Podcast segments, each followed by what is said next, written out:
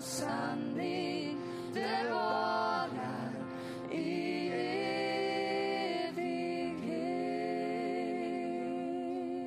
Halleluja. Jag tycker vi bara fortsätter och sjunger ut det här att Herren är god lite till.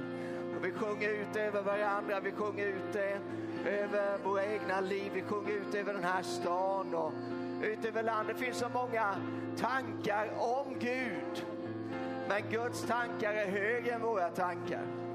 Och Bibeln lär oss vem Gud är och Bibeln säger att Gud är ljus och inget mörker finns i honom. Han är bara god. Han är bara god mot dig. Han vill bara låta sin godhet drabba dig. Halleluja. Så Herren är god.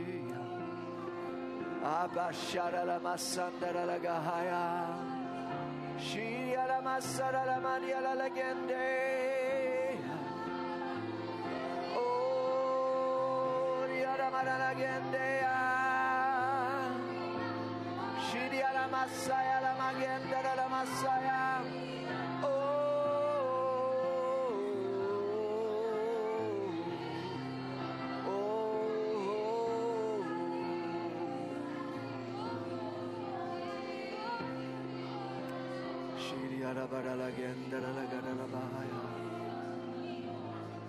Tack Jesus, tack Jesus, tack Jesus, tack Jesus, tack Jesus, tack Jesus, tack Jesus, tack Jesus.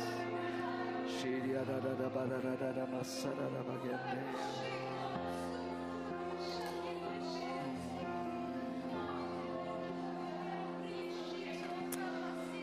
Ibland känner man inte för att prisa Gud. Kanske finns du på en sådan plats just nu.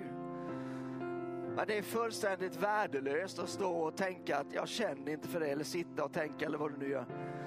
Jag menar, så är det ju med barnen ibland. Vad gör vi föräldrar när de säger, nej jag känner inte för att städa.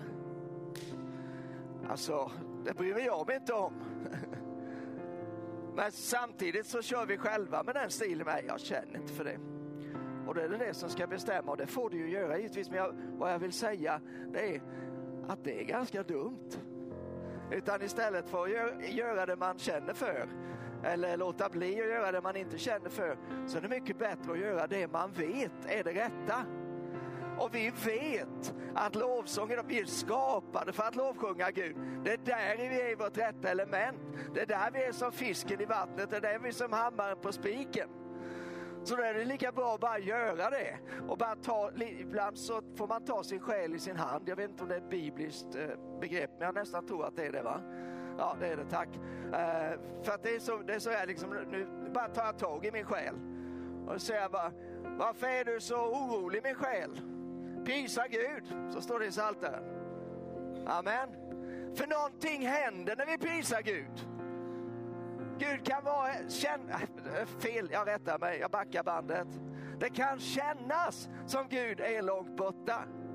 Men du kan vara säker på att när du börjar prisa honom så kommer du förr eller senare att bli medveten om att han är inte långt borta. Han var antagligen aldrig det. Det var möjligtvis du och jag som var en bit ifrån. Men vi kommer att uppleva och erfara att han är nära. Halleluja, det är där vi vill ha honom, eller hur? Vi vill inte ha honom nere i ett hörn här bakom med någon slags eh, ljuddämpare, utan vi vill ha honom mitt ibland oss. Amen. Så lovsjung Herren alla folk. Prisa honom här.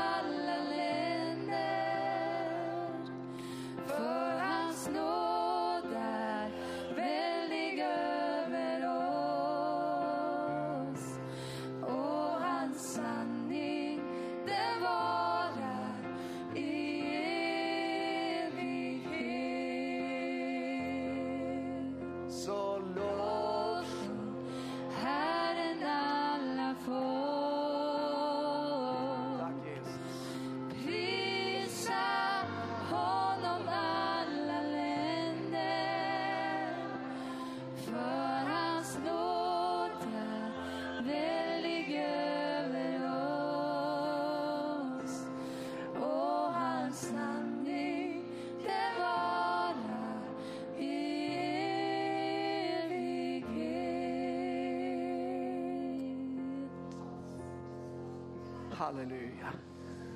Vänd dig om till någon och säg hans sanning varar. Amen. Varsågod och sitt ner. Underbart eh, än en gång att bara se dig här. Man har nästan glömt bort hur härligt det är att få komma till kyrkan. Så glad över att eh, semestern är slut. Allt har ju sin tid, eller hur? Ja. Eh, och det är den ena sidan av sanningen. Den andra sidan av sanningen är att det kvittar hur mycket vi vill någonting annat för allting. Om allting har sin tid så måste man leva i den tid som är.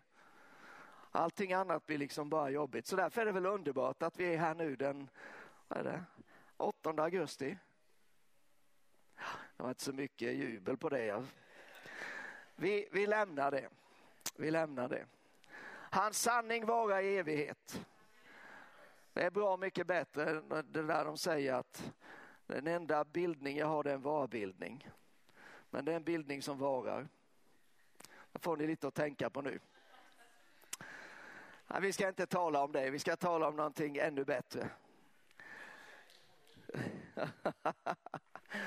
Eh, jag har någonting, jag har jättemycket på mitt hjärta idag, dagen till ära. Eh, jag bara ber att det ska få välsigna oss. Jag tror på något vis att, att det som jag vill dela idag, att det kommer att ge lite inriktning för den tid som ligger framför. Och eh, jag tycker att det har varit många olika saker som, som liksom pekar åt ett visst håll. Och det är alltid härligt när det pekar åt samma håll. Så det inte pekar liksom en hit och en dit. Och därför så vet jag inte riktigt vilket, vilket jag ska börja med. Men jag kanske skulle kunna börja med eh, att läsa. Jag, jag läser det här året en andaktsbok som ser ut så här. Jag brukar eh, skaffa mig en andaktsbok för varje år eh, och ha det som en del av morgonandakten.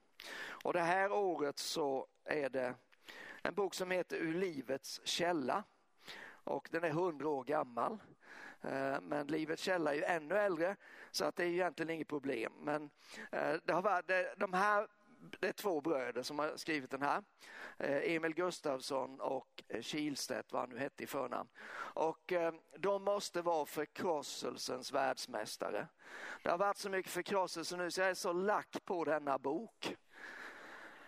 Ja, men allting har ju sin tid som sagt var. Förkrosselse har definitivt sin tid, men det, kan, det känns som det bara blir lite mycket. Men så denna morgon så blänker det till tycker jag. Det liksom ligger i linje med det som jag, ligger på mitt hjärta. Så därför så vill jag bara läsa dagens andakt ifrån Ur livets källa. 8 augusti. Ett bibelord från Lukas 24. Se, jag vill sända till er vad min fader har utlovat. Men ni skolen stanna kvar här i staden till dess ifrån höjden bliven beklädda med kraft. Lyssna här. Vi står hjälplösa emot, emot vår tids otro och villfarelse om ej den helige ande kommer över oss. Det är icke gudsförnekaren vi kämpar emot utan den otrosande som regerar honom. Att sätta det mänskliga mot det mänskliga blir endast en strid av kött och blod. Det är sanningens och lögnens anda som står i fejd mot varandra och striden blir allvarligare ju mer den närmar sig ett avgörande till full seger eller nederlag. Att det för närvarande råder ett spänt förhållande mellan ont och gott röjes i tidens alla företeelser. Och huruvida vi skola segra eller ej beror icke på vår förmåga att försvara Bibelns inspiration utan att vi själva är inspirerade av skriftens anda. Ingen lärdom kan ersätta andens visdom och ingen vältalighet uppväger den som utbreder sig från ett hängivet hjärta. Vad tiden kräver av oss är att vi blir uppfyllda med den helige ande. Eljest ska den onda anden falla över oss och vi med bävan känna en vanmakt som ropar, vilka är en i? Till det är, icke det är icke överlägsenhet i ord utan överlägsenhet i ande som ska segra. Den lärdom som dessa fiskare från Galileen äger är den kunskap som ska riva ner förnuftets tankebyggnader Hon färdas fram som ett fridens majestät och den mänskliga visdomen måste tillbedja inför henne.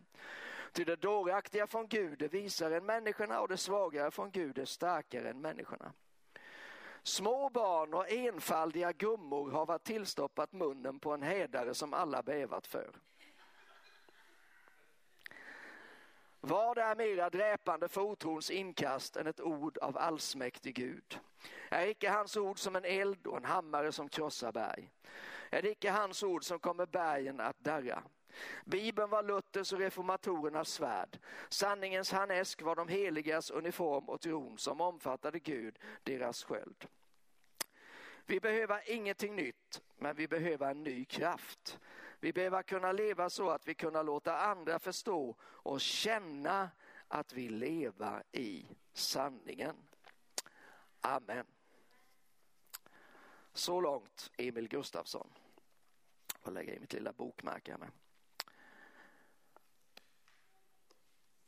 Det finns några bibelord som jag vill stanna för en stund idag och jag tror att vi ska börja i ska börja i första Mosebok, det 28 kapitlet. Bibeln lär oss att i det nya förbundet så är den troende ett tempel för Gud själv.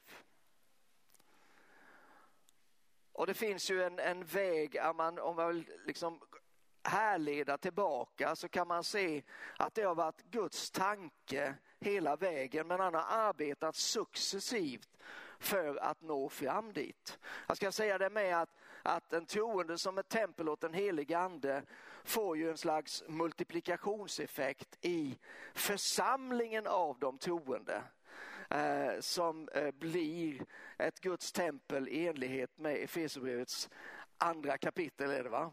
Eh, men det är egentligen ingenting nytt. Eh, Gud har bott i tempel redan innan vi fanns här. Redan innan Jesus kom till jorden så bodde Gud i tempel. Eh, det fanns eh, två olika tempel i Jerusalem, eller det var samma tempel men det hade rivits ner och så byggts upp igen. Och innan dess så fanns det två olika tabernakel. Gemensamt för dem alla var Guds önskan att vara nära oss människor. Det var det som drev honom, det var det som gjorde att han först instruerade Mose eh, att bygga eller sätta ihop ett tält efter väldigt specifika situationer. Och när, han, när Mose hade gjort det så var det som om Gud flyttade in. För han sa, jag vill vara mitt ibland mitt folk och, och mycket riktigt så var Mose instruerad av Gud att sätta detta tabernakel mitt i lägret så att det var omringat, tre stammar på varje sida. Eh, och, och sen fick detta en mer etablerades ännu tydligare i och med att Salomo byggde templet i Jerusalem. Men man kan se vid alla dessa eh, olika tabernakel och tempel, det som är gemensamt för dem, det är att Gud är påtagligt där inne. Han är där. Eh, det står också att Guds härlighet sänkte sig ner över tabernaklet eh, och eh, stod vid ingången. Eh, men det är många manifestationer av Guds närvaro. Och, och samtidigt så, så vet vi att när Gud arbetar, han arbetar, han bygger så att säga. Eh, och, och vad betyder det? Jo, när Paulus talar om det i Nya Testamentet så säger han att det stiger från en härlighet och till en annan härlighet. Det byter inte bara härlighet utan det stiger, det blir mer, det blir starkare. Och därför så är det, är det i första eller andra Korinthierbrevet 3 som, som Paulus drar parallellerna ifrån Mose. Eh, Mose som har varit och mött Gud uppe på berget och så kommer han ner och så strålar hans ansikte av Guds härlighet, Guds närvaro eh, så att folk blir rädda för honom. Men så säger Paulus i nästa andetag, men den härligheten som var så påtaglig, den är ingenting emot den härlighet som finns i det nya förbundet. Det är en helt annan nivå, en mycket större härlighet som finns. Får se, vad, vad lever vi nu? Lever vi i det gamla eller nya förbundet? Vi är det nya förbundet, ja. Vad gör det för härligheten? Ja, det gör ju att härligheten ska vara starkare nu än vad den var när den lyste ut i Mose ansikte. Så de var någon, kan någon hämta en handduk som vi kan lägga på över huvudet på Mose för vi klarar inte att se detta. Nu är det en starkare härlighet som finns tillgänglig. Var är den? Ja, det kan man fråga sig. Ibland tänker jag att vi nöjer oss med alldeles för lite. Men jag tror att det är tid för att ändra på det. det jag tror att den här hösten kommer att ändra på de här sakerna. Men vi ska läsa några verser från första Mosebok då, 28. Här är Jakob, en ganska eh, på samma gång fantastisk man och vanartig. Det vill säga han, han är bedräglig, han är lurig, han, han går sina egna vägar. Um, men han, han är på flykt nu kan man säga, eller han har blivit skickad egentligen av pappa men orsaken var att pappa var rädd att, att Jakobs bror skulle slå ihjäl honom.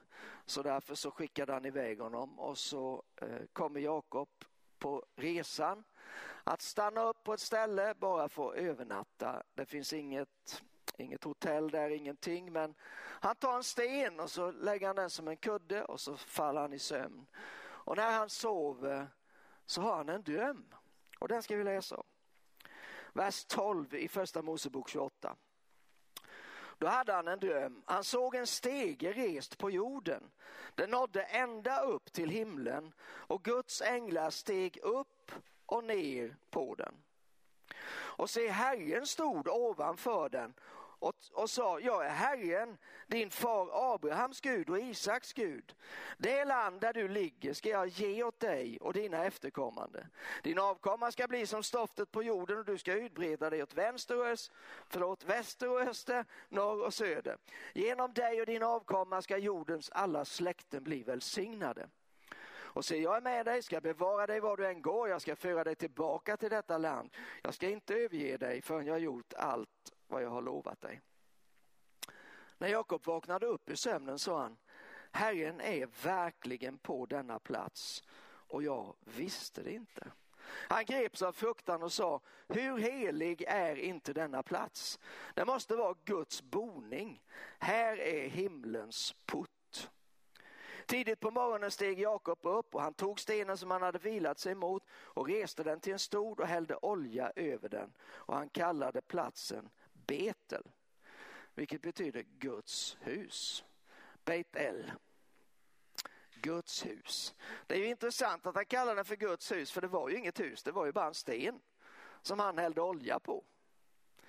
Men vad det, vad det står för här, tror jag, det var ju att Gud, som vi sa tidigare, han är närvarande, men vi är inte medvetna om det. Fast vi behöver bli medvetna om det. Men om, om, vi, om vi tänker här på Betel, och vi tänker att det här är den, blir den första prototypen för församlingen. Jag är inte säker på att det är den första, men vi säger då att det är den första, för det är första gången det kallas för Guds hus. Eh, vad är det då som gör att det här blir Guds hus, att det här blir en uppenbarelseplats? Ja, vi kan se några saker eh, för det första, Jakob säger, här är himlens port.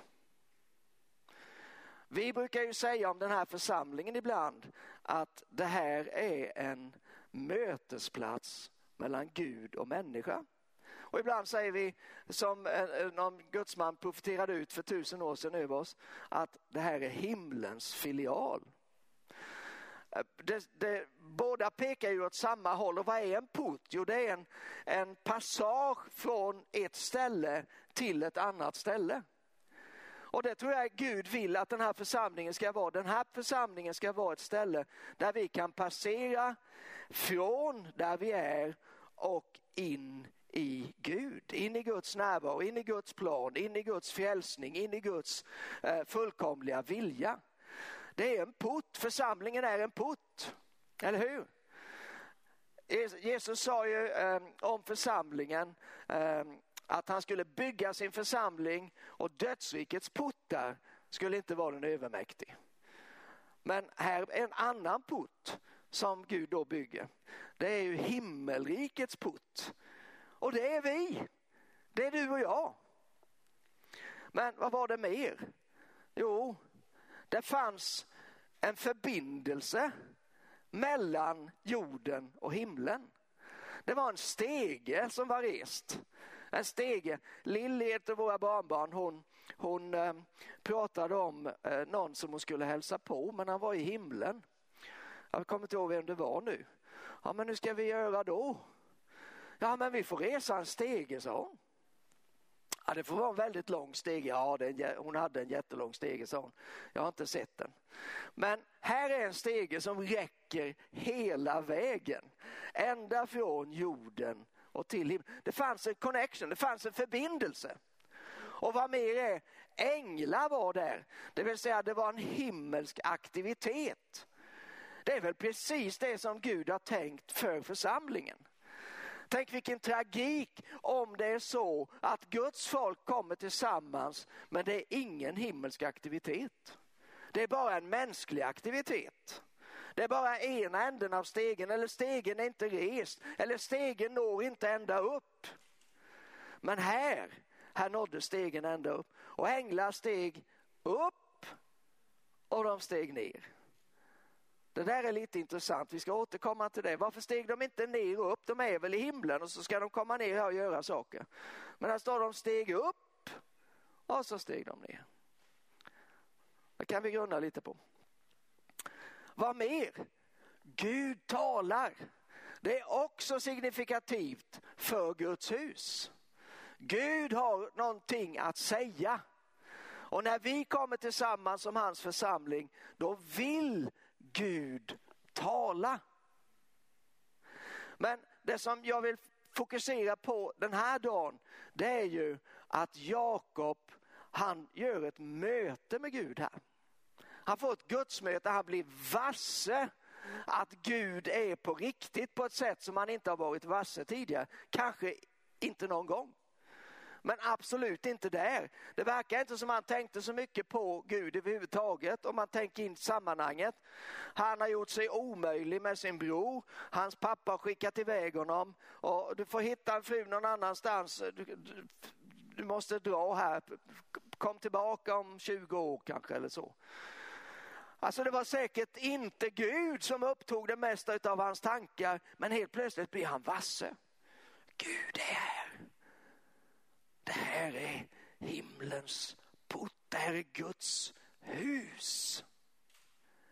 Det är väl precis så som Gud har tänkt att församlingen ska vara.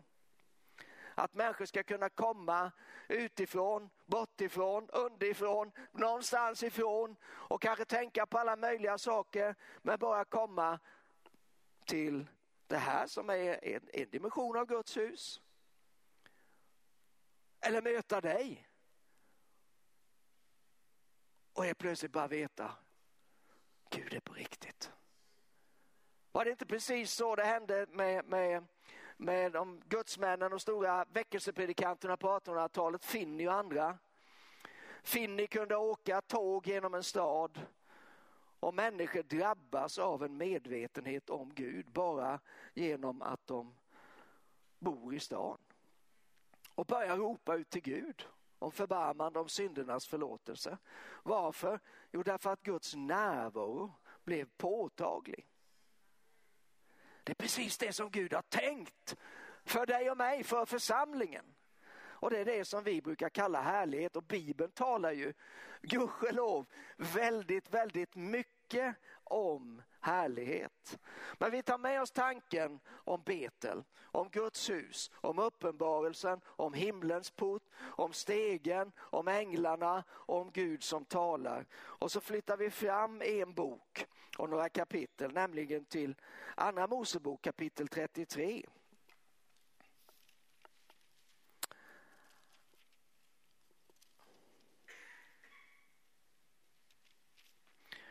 Här har varit en ganska eh, svettig tid för Mose som är huvudpersonen här i andra Mosebok får vi säga. Eh, och ehm, de, har, de, de är förbi guldkalven med allt vad det innebar. Eh, och sen efter att liksom Mose har, har ändå ret ut det här på något vis så, så säger Gud att ehm, nu får ni dra vidare. Och då kände Mose att vi kan inte hålla på på det här sättet. Vi måste, vi måste ha någonting mer. Och så, så nalkas han Gud och vi kan läsa från vers 12 även här då.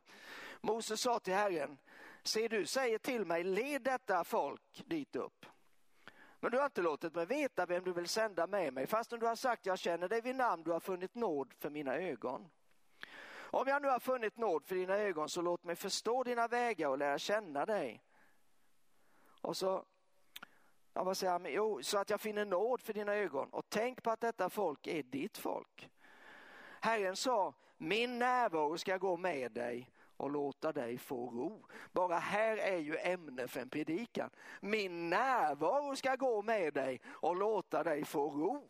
När Gud är dig nära, då finns det ro mitt i stormen. Det var ju det som lärjungarna glömde bort. Det stormade, men Jesus fanns ju i båten. Han hade ro för han sov, han, han var ju ro. Det var han som var deras vid. Fast de glömde bort det. Men när Herrens närvaro ska gå med dig och du ska få ro. Och då utmanar Mose Gud. Tänk vad härligt det är att vi kan utmana Gud. Jag tänkte vi skulle göra det lite idag faktiskt. Är du med på det? Vågar du det? Kan man göra det verkligen? Mose kunde det. När, när Gud säger min närvaro ska gå med dig och låta dig få.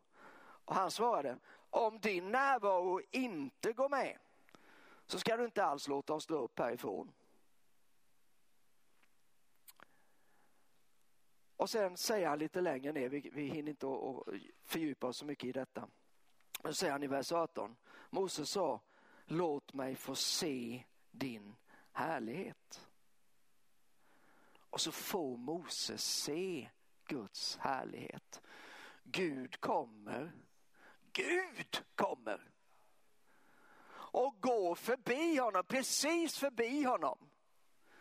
Men för att inte det ska bli fullständigt överväldigande till den punkt att Moses stryker med på kuppen så säger Gud, du måste stå på klippan. Det är ju bibliskt språk, eller hur? Eh, vi vet att Kristus är klippan. Vi behöver stå på klippan, men när vi står på klippan då kan vi också få uppleva Guds närvaro.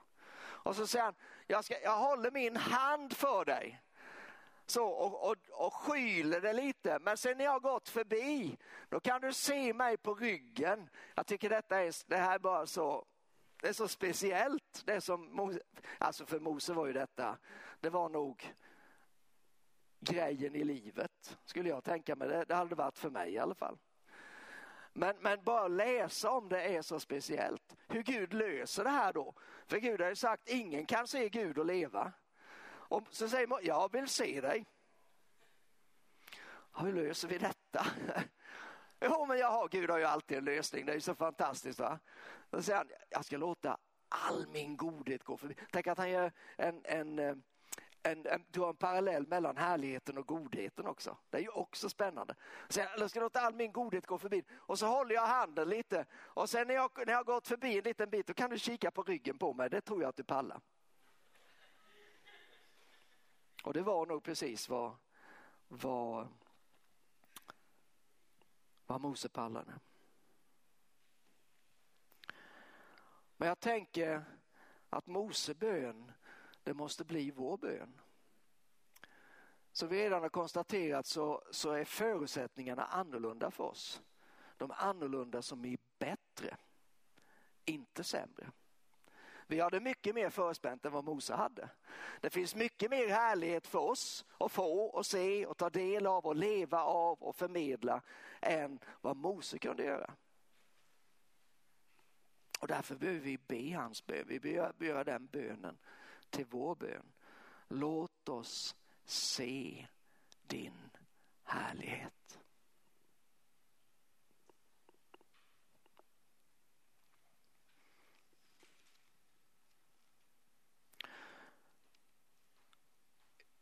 Vi behöver toucha där eh, andra Korinthierbrevet 3. Visst är det andra Korinthierbrevet? Ja, det är det. Andra Korinthierbrevet 3 och, och lite in kanske i kapitel 4.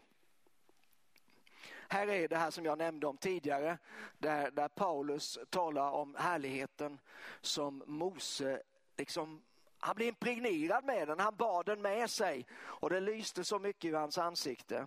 Eh, och eh,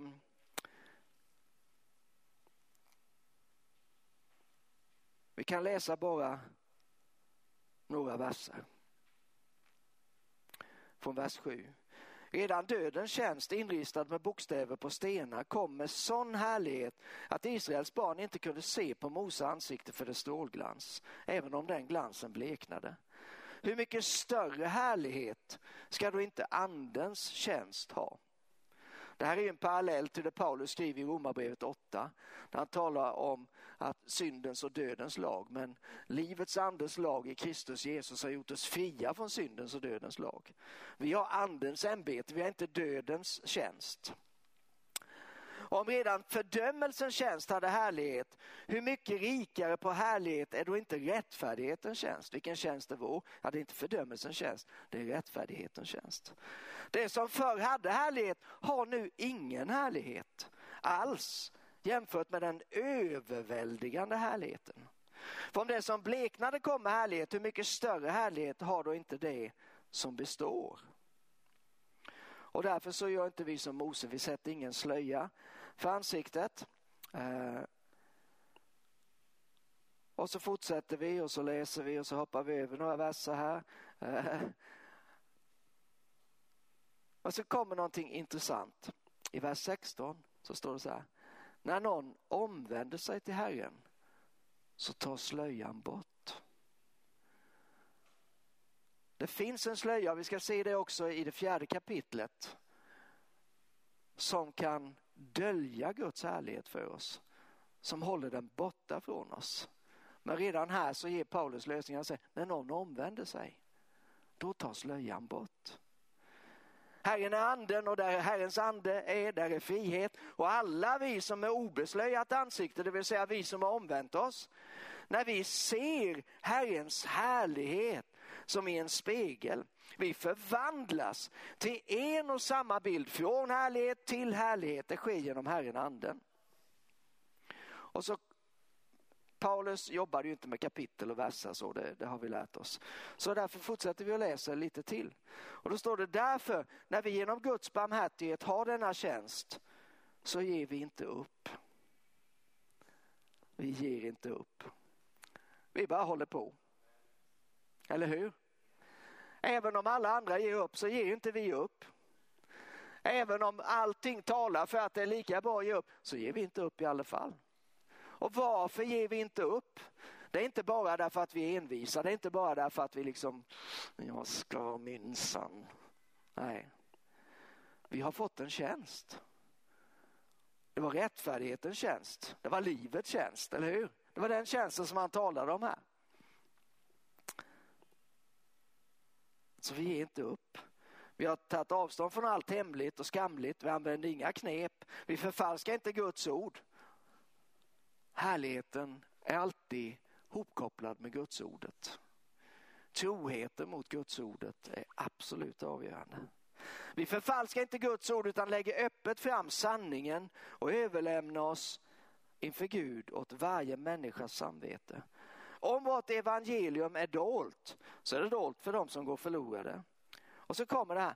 Den här världens Gud har förblindat de otroende sinnen så de inte ser ljuset som strålar fram från evangeliet om Kristi härlighet, han som är Guds avbild. Den här världens Gud, vem kan det vara? Ja, det, är den, det är den här eh, världens Gud som har denna tidsålders anda. Han har förblindat de otroende sinnen. Ibland har han förblindat de troende sinnen också. Han skulle inget hellre vilja än att göra oss blinda, göra oss omedvetna. Eller göra så att vi slutar och förväntar oss att Guds härlighet ska vara manifesterad, att Guds ande ska vara utgjuten. Att gå till kyrkan och vara nöjd med business as usual. Att läsa Bibeln och säga nu har jag gjort mitt pass för idag. Han vill att vi ska vara nöjda med det. Och varför blir vi nöjda med det? Jo, därför att vi har tappat bort vad det egentligen handlar om. Att Gud har inte tänkt att det ska vara en distans mellan oss och honom. Att det ska vara någon slöja eller någon förlåt som hänger emellan oss och Guds härlighet in i det allra heligaste. Den revs itu uppifrån och ner. När Jesus uppstod, från det, när Jesus dog på korset ska jag säga. Då revs den itu. Men han skulle önska att vi bara tappade bort alltihop. Det. Och skam till sägandes, många gånger har han lyckats, i varje fall med mig. Men nu ska det bli ändring på torpet. De ser inte ljuset som strålar fram från evangeliet om Kristi härlighet. Han som är Guds avbild. Vad är vi? Ja, vi är ju Kristi avbild, eller hur? Vi var skapade till Guds avbild, men så kom synden och fullständigt förvred oss till någonting helt annat som vi inte ens vill tänka på hur hemskt det var och hur hemskt det är. Men tack vare Jesu död och uppståndelse, när vi sätter vår tro till honom, då ska vi avkläda oss den gamla människan och ikläda oss den nya människan till likhet med Kristus och växa upp till Kristi fullhet står det till och med eh, i Efesierbrevet. Vi predikar inte oss själva utan Jesus Kristus som Herren och oss som era tjänare för Jesus skull. Gud som sa ljus ska lysa ur mörkret. Han har lyst upp våra hjärtan för att kunskapen om Guds härlighet som strålar från Kristi ansikte ska sprida sitt ljus. Amen. Vilka fantastiska ord. Får jag läsa dem en gång? Är det okej okay om jag tjatar lite? Gud som sa ljus ska lysa ur, alltså, ljus ska lysa ur mörkret. Är det ens möjligt? Ja, vi ska läsa Jesaja 60 så får vi se om inte det finns någonting där. Gud som sa ljus ska lysa ur mörkret. Han har lyst upp våra hjärtan för att kunskapen om Guds härlighet som strålar från Kristi ansikte ska sprida sitt ljus. Kunskapen som strålar, eller Guds härlighet som strålar från Kristi ansikte.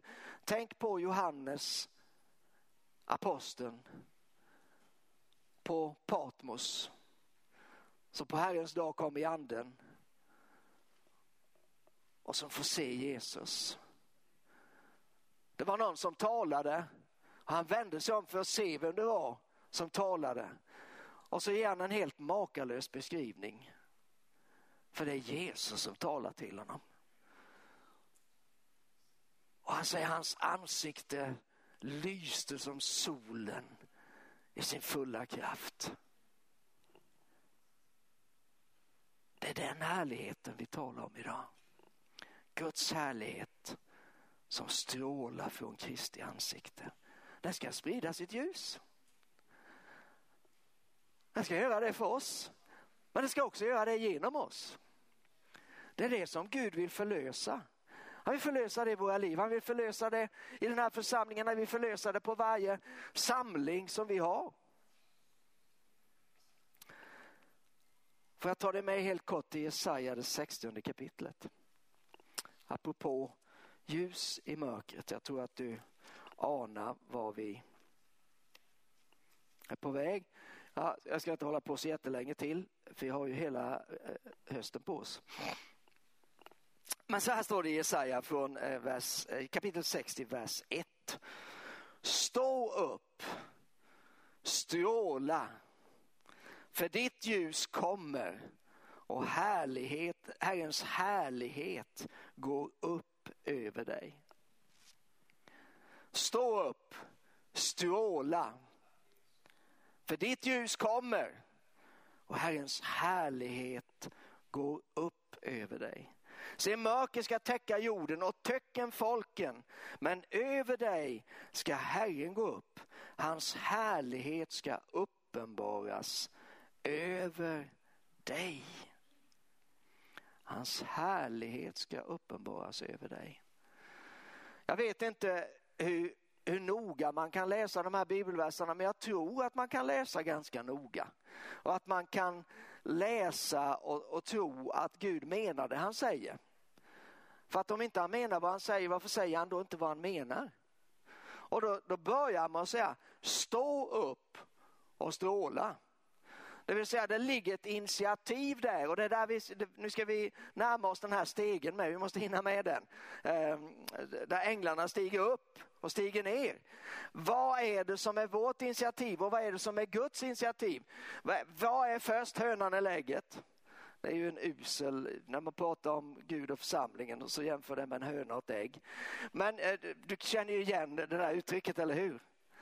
Vad är det som kommer? För här verkar det som att vi ska ställa oss upp och vi ska stråla och då kommer härligheten. Ja men vi ska väl stråla härligheten, ja men vi får, bara, vi får börja där vi är. Att bara sitta och vänta. Jag tror inte att det är, det är inte, det är inte Guds melodi. Jag pratade med en, en, en, eh, en broder och han sa att eh, det gick inte så bra. Så. Och sa nu har jag, jag har slutat med det här nu, sa han. Så nu, nu, eh, nu väntar jag på att Gud ska komma mig nära. Och då hörde jag mig själv bara säga, då får du nog vänta. Ja, det var ju inte så själavårdande kanske, men jag tror att det var sant. Men jag var ju tvungen att förklara mig lite med. För vad säger, vad säger Bibeln? När, närma dig Gud så ska han närma sig dig. Det vill säga det, det är vi som ska stå för det. Ja Gud, nu har jag offrat här, nu får du komma. Nej, jag har offrat för att jag, det som var i vägen och hindrade mig från att komma, så kan jag komma nu.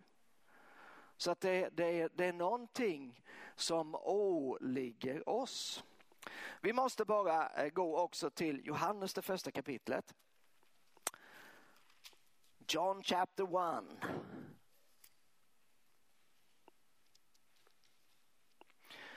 Jag vet inte, jag hoppas att alla har fått tag på att det finns en tv-serie som kommer typ rakt från himlen. Ni, vet ni det? Nej. The Chosen. Alltså det, det är... Jag kanske tar i nu, men jag skulle säga det är, det är att bryta mot det elfte budet och inte kolla på den. Den är gratis dessutom. Eh, det är en app som man laddar ner, The Chosen. Gör det. Men där, där, där, där möter man Jesus och man möter hans lärjungar eh, och på ett sätt som inte, åtminstone jag har gjort innan. Jag, jag upplever att Gud visar mig massor med saker genom den här. Det är otroligt starkt, det är gripande. Jag eh, har tårar i ögonen precis varenda avsnitt. De, två säsonger finns tillgängliga nu. Det ska bli tror jag, sju säsonger sammanlagt. Eh, så att nu eh, var vi framme, säsong två, sista avsnittet var Bergspredikan. Eh, galet bra. Men där får man ju möta lärjungarna lite i tur och ordning. Man får bland annat möta de som vi möter här i kapitel 1 då, nämligen Natanael. Och de har ju skapat en liten story bakom Natanael. Att han sitter i sin förtvivlan eh, under ett träd och han ber, han bekänner och ingenting händer. Han, liksom, han har kommit till slutet av sig själv. Han ber de bönerna som hans förfäder har lärt, lärt honom att be. Och han är fullständigt förkrossad. Och i sin förkrosselse så, han är arkitekt, men det som han byggde det rasade. Och han sitter där med sina fina ritningar och han tänker det kommer aldrig bli något av det här. Så han bara tänder eld på det och vinden kommer och askan blåser iväg. Det är symboliskt så det bara dånar om det. Men sen precis efteråt så träffar han Filippus. Och Filippus han har precis mött Jesus. Så Filippus berättar för Natanael, nu har vi funnit honom. Han som, eh, som eh, plagen och profeterna allihop talar om. Vi har, vi har mött honom, han heter Jesus, han kom från Nasaret. Ah, nej, Sen Natanael, det måste ha blivit fel någonstans. Det är inget gott som kommer från Nasaret, det vet ju alla. Men Filippus säger bara, kom och se. Och så kommer de till Jesus och så säger Jesus till Natanael, här är en sann israelit som är utan svek. Och Natanael frågade honom, hur kan du känna mig? Jesus svarade, innan Filippus kallade på dig så såg jag dig under fikonträdet. Det är nog för Natanael. Han, han bara, han inser direkt. Det här måste vara det som Filippus sa. Så Natanael svarade, Rabbi, du är Guds son, du är Israels kung. Han är den första som bekänner att Jesus är Guds son. Jesus svarade honom, du tror för att jag sa att jag såg dig under fikonträdet. Större sak än så ska du få se. Sen sa han till honom, jag säger sanningen, ni ska få se himlen öppen och Guds änglar stiga upp och stiga ner över Människosonen. Här drar ju Jesus parallellen till första Mosebok 28, till Betel. Han är ju fullheten utav den skuggbild som vi såg när Jakob smorde stenen och kallade det för Guds hus. Jesus är Guds hus. Och församlingen är Jesu representation på jorden. Vi är Kristi kropp. Vi är templet för Gud. Så det, finns, det, det går igenom, det finns en vad heter det, analogi som går igenom allt det, detta. Men Vi går fram ett kapitel, Johannes 2. Jag ska, jag ska alldeles strax sluta. Bear with me, eller bär mig, alternativt bär ut mig. Får vi se här. Där har vi det. Eh, I kapitel 2 så gör Jesus sitt första under. Han förvandlar vatten till vin, bröllopet till Kana. Det är också ett fantastiskt avsnitt i The Chosen. På tal om ingenting. Eh, och eh, vi ska bara se vad som står där Eh, i, efter att Jesus har gjort det. Står det i vers 11. Detta var det första av de tecken som Jesus gjorde. Han gjorde det i Kana i Galileen och uppenbarade sin härlighet och hans lärjungar trodde på honom. Så här kan vi se att han uppenbarar härligheten och så tror lärjungarna på det.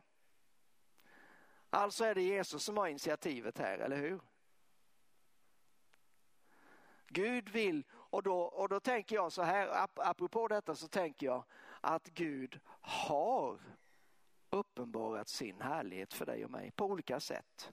Vid olika skeden i livet. Vi har, jag tror att vi ingen är här idag som inte har någon upplevelse av huh, antingen Gud är här eller Gud är på riktigt eller jag förgås. Det är nästan så man kan känna ibland när Gud kommer riktigt, riktigt nära. Jag har haft många sådana upplevelser, en del som har varit fullständigt, alltså som, all, som har satt sig för tid och evighet i mig. Och det jag tänker på kanske allra mest det var för, nu är det många år sedan, eh, när vi åkte till Pensacola, Florida och, och var några dagar där i en kyrka eh, där Guds ande var utgjuten på ett speciellt sätt. Och där eh, vid ett par tillfällen så var Guds närvaro så starkt, vi upplevde Guds närvaro så starkt att det gick inte att titta. Det gick inte att lyfta blicken utan man, man var, alltså, man bara slog ner blicken. Och så sa jag eller några sa till varandra, jag tror vid två tillfällen, sa, nu kommer Jesus. Alltså, ja, vi trodde att han kom tillbaka för att hämta församlingen och vi skulle åka upp i himlen. Den kommer, den grejen. På riktigt, jag lovar. För att det var så påtagligt, det var så nära, det var så starkt. Så vi tänkte det kan inte bli, nu, nu är han här, nu åker vi. Fast det gjorde vi inte. Vi åkte hem istället. Men det där sitter kvar. Vi har sett Guds härlighet och därför tror vi. Men nu ska vi gå fram några kapitel till det, vad är det, nionde eller tionde kapitlet i, fortfarande Johannes. Det är det elfte kapitlet, förlåt. I det elfte kapitlet så, så är storyn genom hela kapitlet det är Lazarus. Lazarus, Matta och Maria, eh, de, de, förutom lärjungarna, de eh, människor som, det, som Bibeln talar om i alla fall, där Jesus spenderade mest tid. Eh, jag har en bok som heter Jesus favoritplats och det var Betania, för där bodde eh, Lazarus, Matta och Maria. Och det står flera gånger att Jesus var där, han besökte dem, han bodde hemma hos dem. Eh, de hade fest tillsammans och så vidare. Men så blev ju Lazarus sjuk och han dog. Eh, och Jesus hade fått bud om att han var sjuk men han väntade några dagar innan han gick dit. Under tiden så dog Lazarus. Så kommer Jesus dit och jag tror att ni, ni kan storyn ganska väl så vi, vi ska gå direkt på härligheten. Först träffar han Matta och de har ett samtal, sen träffar han Maria och de har ett liknande samtal. Båda två hävdar att Jesus, om du hade varit här så hade vår bror inte dött. Men så säger så, så går de ändå ut till graven och när de kommer ut till graven så säger Jesus ta bort stenen. Det här är vers 39. Den döde syster Matta sa till honom, Herre, han luktar redan. Det är fjärde dagen. Jesus sa till henne, har jag inte sagt dig att om du tror ska du få se Guds härlighet. Här är det omvänt. I kapitel 2 så visade Jesus härligheten och så trodde de. Här säger Jesus, om du tror så ska du få se Guds härlighet. Vilket av de här orden stämmer för oss? Kanske båda. Om inte du har upplevt Guds härlighet, om inte du har känt Guds närvaro, så tror jag att Gud vill visa sin närvaro för dig. Jag tror att Gud vill komma nära dig. Det kanske är här idag, det kanske är när du kommer hem, det kanske är när du går och lägger dig ikväll. Men jag är övertygad om att Gud vill göra det. Men om du har upplevt Guds närvaro, då tror jag att vägen för dig, och i det här fallet för mig också då, det är vi behöver tro på Gud. Det är vår tro som kommer att dra ner Guds närvaro, som kommer att förlösa Guds härlighet. Vi är ibland som Jakob. Vi är omedvetna om vad som står oss till buds, vad som finns. Eh, att Gud faktiskt är här. Och, men om vi inte förväntar oss någonting av det, då kan vi gå miste om det. Det är därför vi behöver tro på Gud. Vi behöver låta vår tro sträcka sig ut och gripa tag i Gud. Jakob kommer ju tillbaka till den här platsen. Och där brottas han med Gud. Och då har han, då har han lärt sin läxa. Så då säger han, jag släpper inte med mindre än att du välsignar mig. Jag släpper inte. Den attityden, det, det, det, är inte heller en envis eller enveten eller i mänsklig kraft eh, och liksom, som ska ha någonting, utan det är tron som talar där. Nu har jag börjat få, få, få tag på sakerna och, och fatta hur det funkar, så nu ska jag ha det. Det är där som Jakob blir Israel. Det är där som han når fullheten av sin kallelse. Vad är kallelsen för dig och mig? Vad är kallelsen för den här församlingen?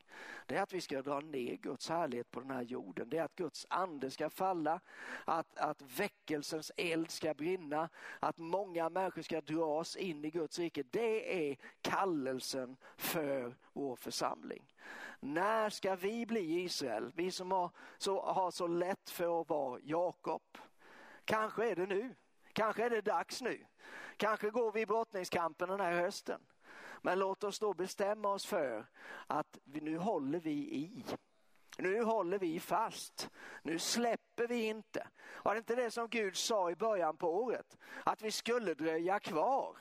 Att vi bara skulle vänta tills vi fick det som vi behövde. Det som skulle lösa fångarna. Det som skulle dra människorna till Gud. Det är den brottningskampen vi är i nu. Det, ibland så skriker allting, åtminstone i mig, kanske i, i dig med. Jag hör ju inte vad som skriker inom dig, men det gör ju du. Liksom, Åh, vi måste göra någonting, vi måste hitta på någonting, det måste ske någonting. Men Gud har sagt att vi ska vänta på honom. Och att vänta på honom, ja, det har vi talat om innan, men får jag bara påminna om det, att det handlar inte bara om att härda ut eller liksom ja, här är vi nu, nu väntar vi då för att se om det blir någonting. Det är liksom inte alls det, utan det är förväntan. Förväntan, det är tro. Det är liksom, jag vet att det är på gång, jag vet att Gud kommer att göra det han har sagt. Jag bara har liksom tros, trosarmarna utsträckta så långt det bara, de bara når. Va? För jag får tag på Gud. Va? Gud, ja, du är färdig, jag vet det. Nu drar jag lite till, jag drar det lite närmare. Det är den typen av väntan som vi talar om här.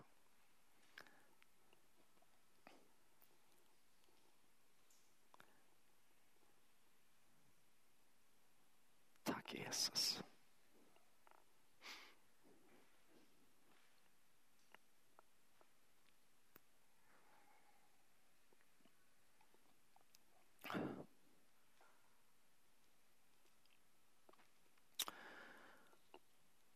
Vi slutar i psalm 26.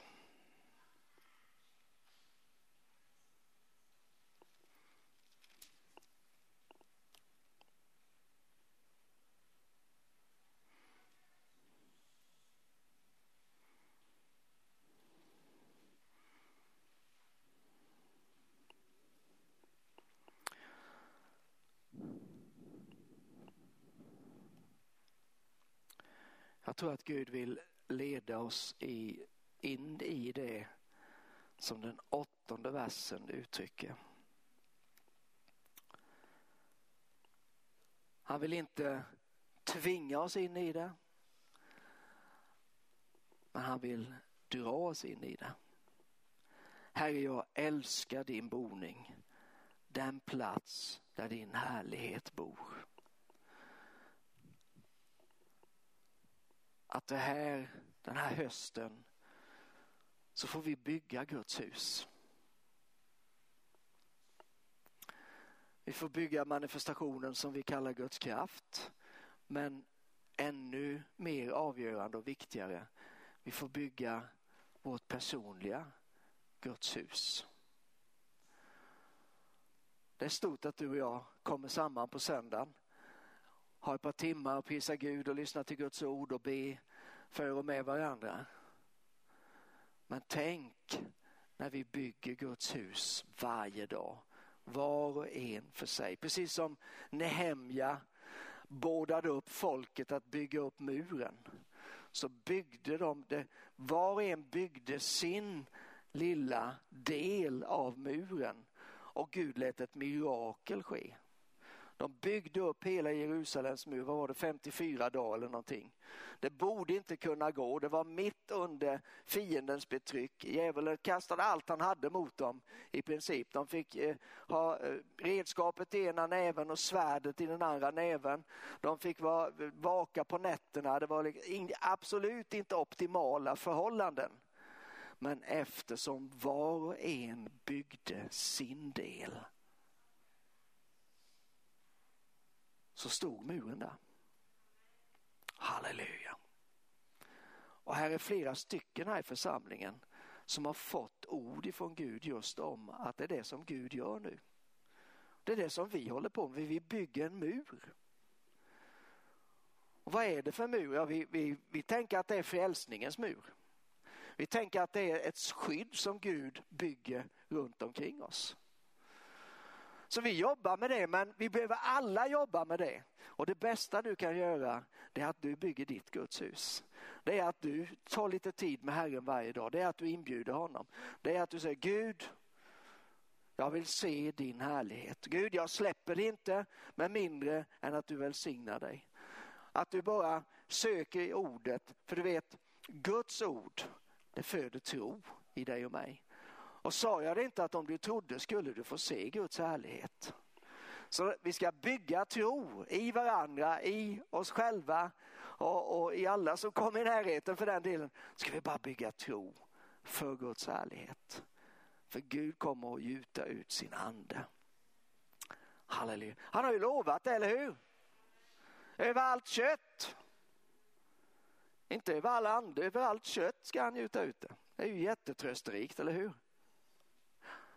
Så vi måste inte vara fullkomliga. Men låt oss komma upp på banan. Amen. Låt oss stå upp. Halleluja, himmelske Fader. Vi tackar dig för den härlighet, den närvaro som finns i himmelen. Och idag så vill vi be. Låt ditt rike komma. Låt din vilja ske så som i himmelen, så och på jorden. Vi ber Herre att himlen ska vara öppen över den här platsen. Vi vet att, att du har öppnat himlen, men Herre, vi förstår också att vi har en uppgift i att hålla himlen öppen. Att se till så att det flödar ifrån himmelen över våra egna liv, över våra bröder och systrar, över den plats som du har satt satt oss på. Vi tackar dig Herre för du har gett oss ett ansvar i den här stan. Och Herre, vi vill bara genom din nåd så vill vi bara axla upp det på nytt igen. Vi tackar dig Herre för att du är redo att utgjuta din ande. Du är redo att visa din härlighet. Du är redo Herre. Hjälp oss att också vi är redo. Hjälp oss Herre att vi kan bygga den tro som kan grabba tag i din härlighet och och din närvaro och dra ner den till den här världen. Dra ner den in i våra liv. Dra ner den till de som är sjuka och plågade. Dra ner den till de som är, är, är fångna eh, och utsatta. Dra ner den och förlösa den här till de människor som behöver den. Vi välkomnar den här dagen din härlighet.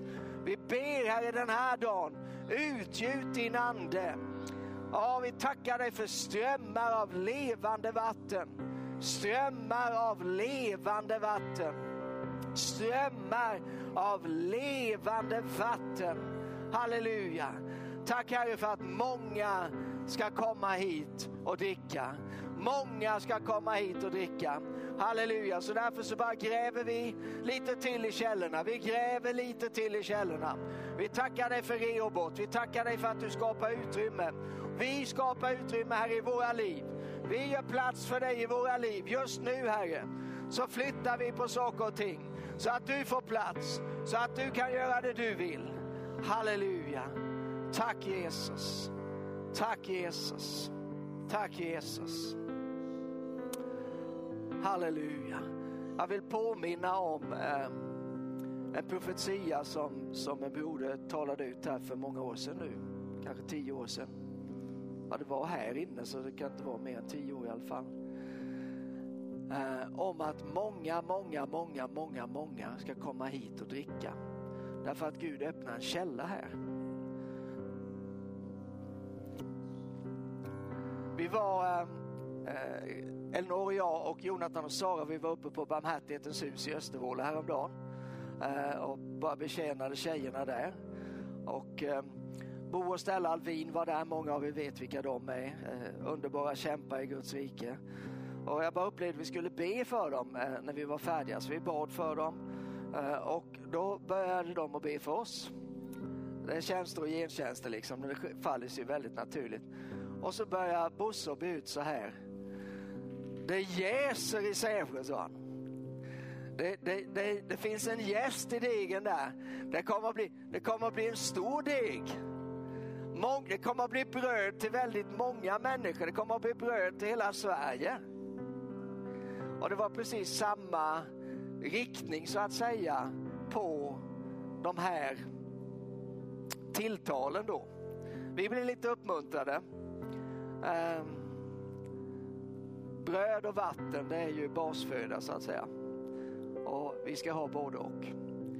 Men får jag sluta med, vi kan fortsätta be lite strax, men får jag sluta med att bara dela eh, Ben Fitzgerald delade någonting häromdagen som jag tycker var intressant. Han sa så Ben Fitzgerald han, han är en, eh, en predikant som bor nere i Tyskland. Det är han som eh, leder det här arbetet som heter Awakening Europe. De hade stor eh, samling på eh, eh Friends eller var var det någonstans? Ja, någonstans i Stockholm för några år sedan. Och då sa han så här, det vanligaste jag hör folk kom, eh, säga när jag reser runt, så säger de så här, Gud har talat till oss om att den här stan är avgörande för väckelse i landet. Överallt jag kommer så säger de det. Men det, ja, det kan ju inte vara så att det är överallt, tänkte han. Jag, liksom, jag fattar inte detta och det verkar ju inte som att det händer någonting dessutom. Så han hade frågat Jesus om detta. Och då upplevde han att Jesus sa så här, du, jag säger det till dem allihop så får vi se vem som tar det på allvar och lyder det. Där fick du något att tänka på. Det fick jag i alla fall. Oh, tänk om vi skulle kunna ta det på allvar. Jag tror ju inte att Sävsjö är något speciellt i sig. Men jag tror att Gud skulle kunna göra något speciellt här.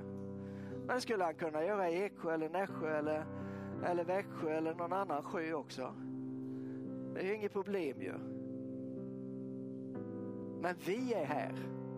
Frågan är om vi vill sätta vår tro till honom. Om vi vill lyda honom. Sa jag det inte att om du trodde så skulle du få se Guds härlighet? Halleluja. Tack Jesus. Jesus, vi har redan välkomnat dig och vårt hjärta är att du ska alltid ha en öppen dörr här. Du ska alltid få din väg. Det ska ske inte som vi vill, men det ska ske som du vill.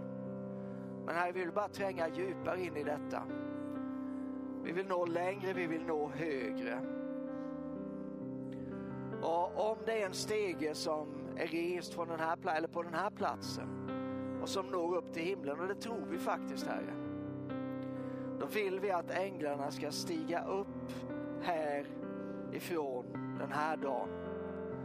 Och de ska bära med sig vår omvändelse, vår överlåtelse, vår tro och vår förväntan upp till himmelen. Så att du kan utgjuta din ande. Och så att din härlighet kan få landa i våra liv. Kom helige Ande. Kom helige Ande. corroboró la.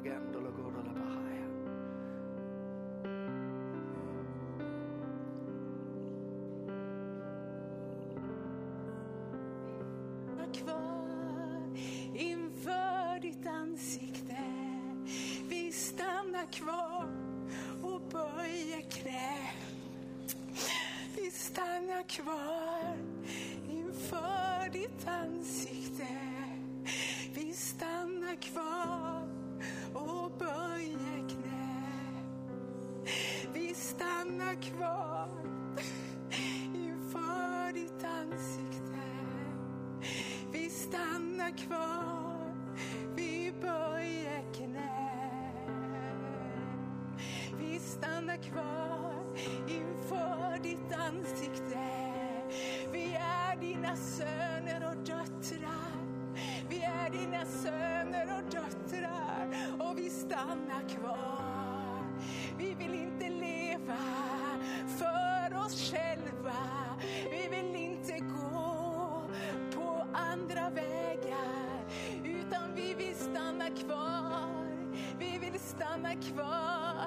Stanna kvar inför ditt ansikte.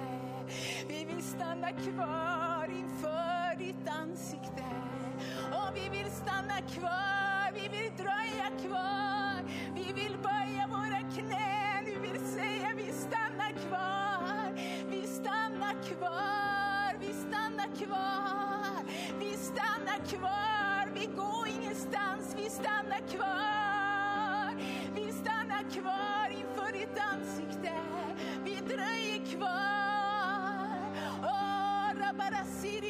Oh,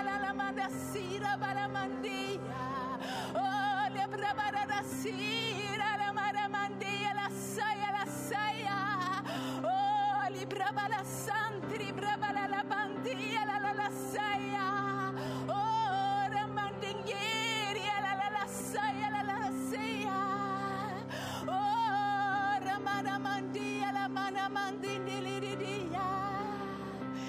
stannar kvar, vi stannar kvar. Stannar kvar vid platsen inför ditt ansikte. Vi stannar kvar, vi stannar kvar.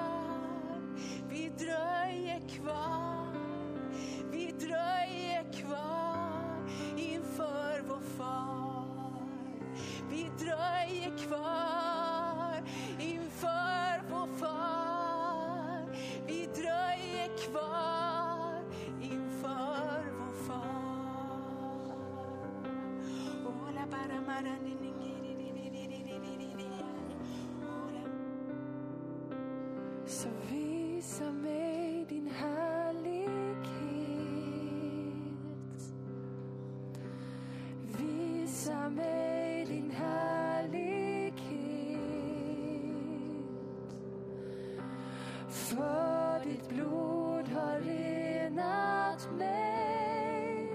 Så vill